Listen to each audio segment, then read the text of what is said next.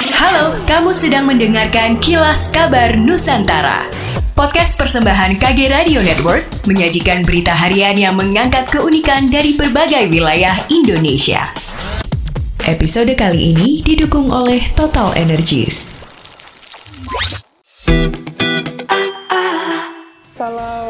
Anda mengenal dengan Rumah Sakit Tentara di Jalan Kesehatan nomor 2, memang ada beberapa hal yang unik di sini. Jadi ketika Anda vaksinasi pertama di Rumah Sakit Tentara Pekanbaru, otomatis akan ada dosis kedua yang bisa Anda dapatkan di Rumah Sakit Tentara Pekanbaru.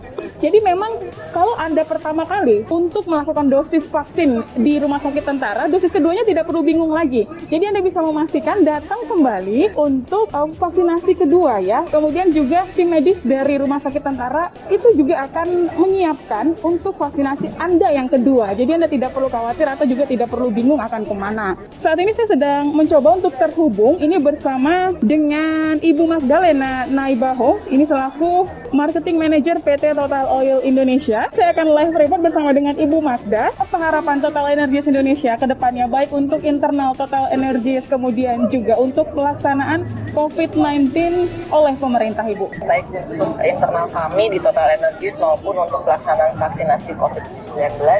Harapan kami tentu saja Indonesia dapat segera pulih dari pandemi ini agar kehidupan dan perekonomian kita bisa jalan lagi. Kan kalau kita semua sehat, kita bisa bergerak maju sama-sama. Ini sebenarnya yang jadi alasan kenapa kegiatan vaksin ini diberi nama Energy to Move Forward Together. Kita gerak maju sama-sama. It's the energy for us to move forward together. Kita tidak bisa maju sendirian ya Bu ya. Kita harus maju bersama ya. Har- Kita harus maju sama-sama. Kita harus maju sama-sama. Bu Magda, terima kasih untuk waktunya. Kak Aruna Hamka melaporkan. Dalam pertemuan bertajuk East Ventures Virtual Open Book Kamis 14 Oktober 2021, Wilson Cuaca selaku co-founder dan managing partner East Ventures memaparkan tentang kesuksesan program Indonesia Pasti Bisa yang berkontribusi dalam penanganan pandemi COVID-19 terutama dalam menghadapi varian Delta. Dengan berfokus pada pemetaan digital, penyehatan dan juga akselerasi, program Indonesia Pasti Bisa yang berkolaborasi dengan Kementerian Kesehatan Republik Indonesia ini juga melibatkan beberapa portfolio East Ventures, mulai dari industri fintech, data analitik, health tech hingga distribusi. Urunan dana individu maupun korporasi berhasil mengumpulkan 1,2 juta US dollar dan telah mendiseminasi 1.450 konsentrator oksigen yang tersebar ke 241 rumah sakit di lebih dari 100 kota di seluruh Indonesia. Pemerintah Kota Malang kini mulai membenahi taman kota yang ada di Jalan Danau Toba Sawo Jajar pada hari Rabu 13 Oktober 2021. Pembenahan taman kota yang juga ruang terbuka hijau tersebut telah dilakukan sejak dua pekan yang lalu. Kepala Dinas Lingkungan Hidup Kota Malang Wahyu Setianto mengatakan, pembenahan taman kota di Sawo Jajar ini masuk ke dalam program pemeliharaan.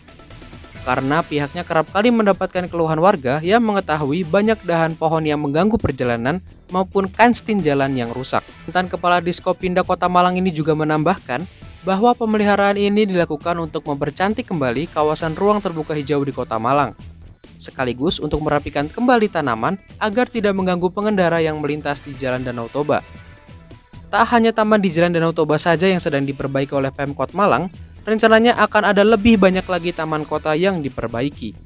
Perbaikan tersebut tak hanya fokus membenahi taman kota, namun juga melakukan penataan kepada tanaman-tanaman yang ada di dalamnya.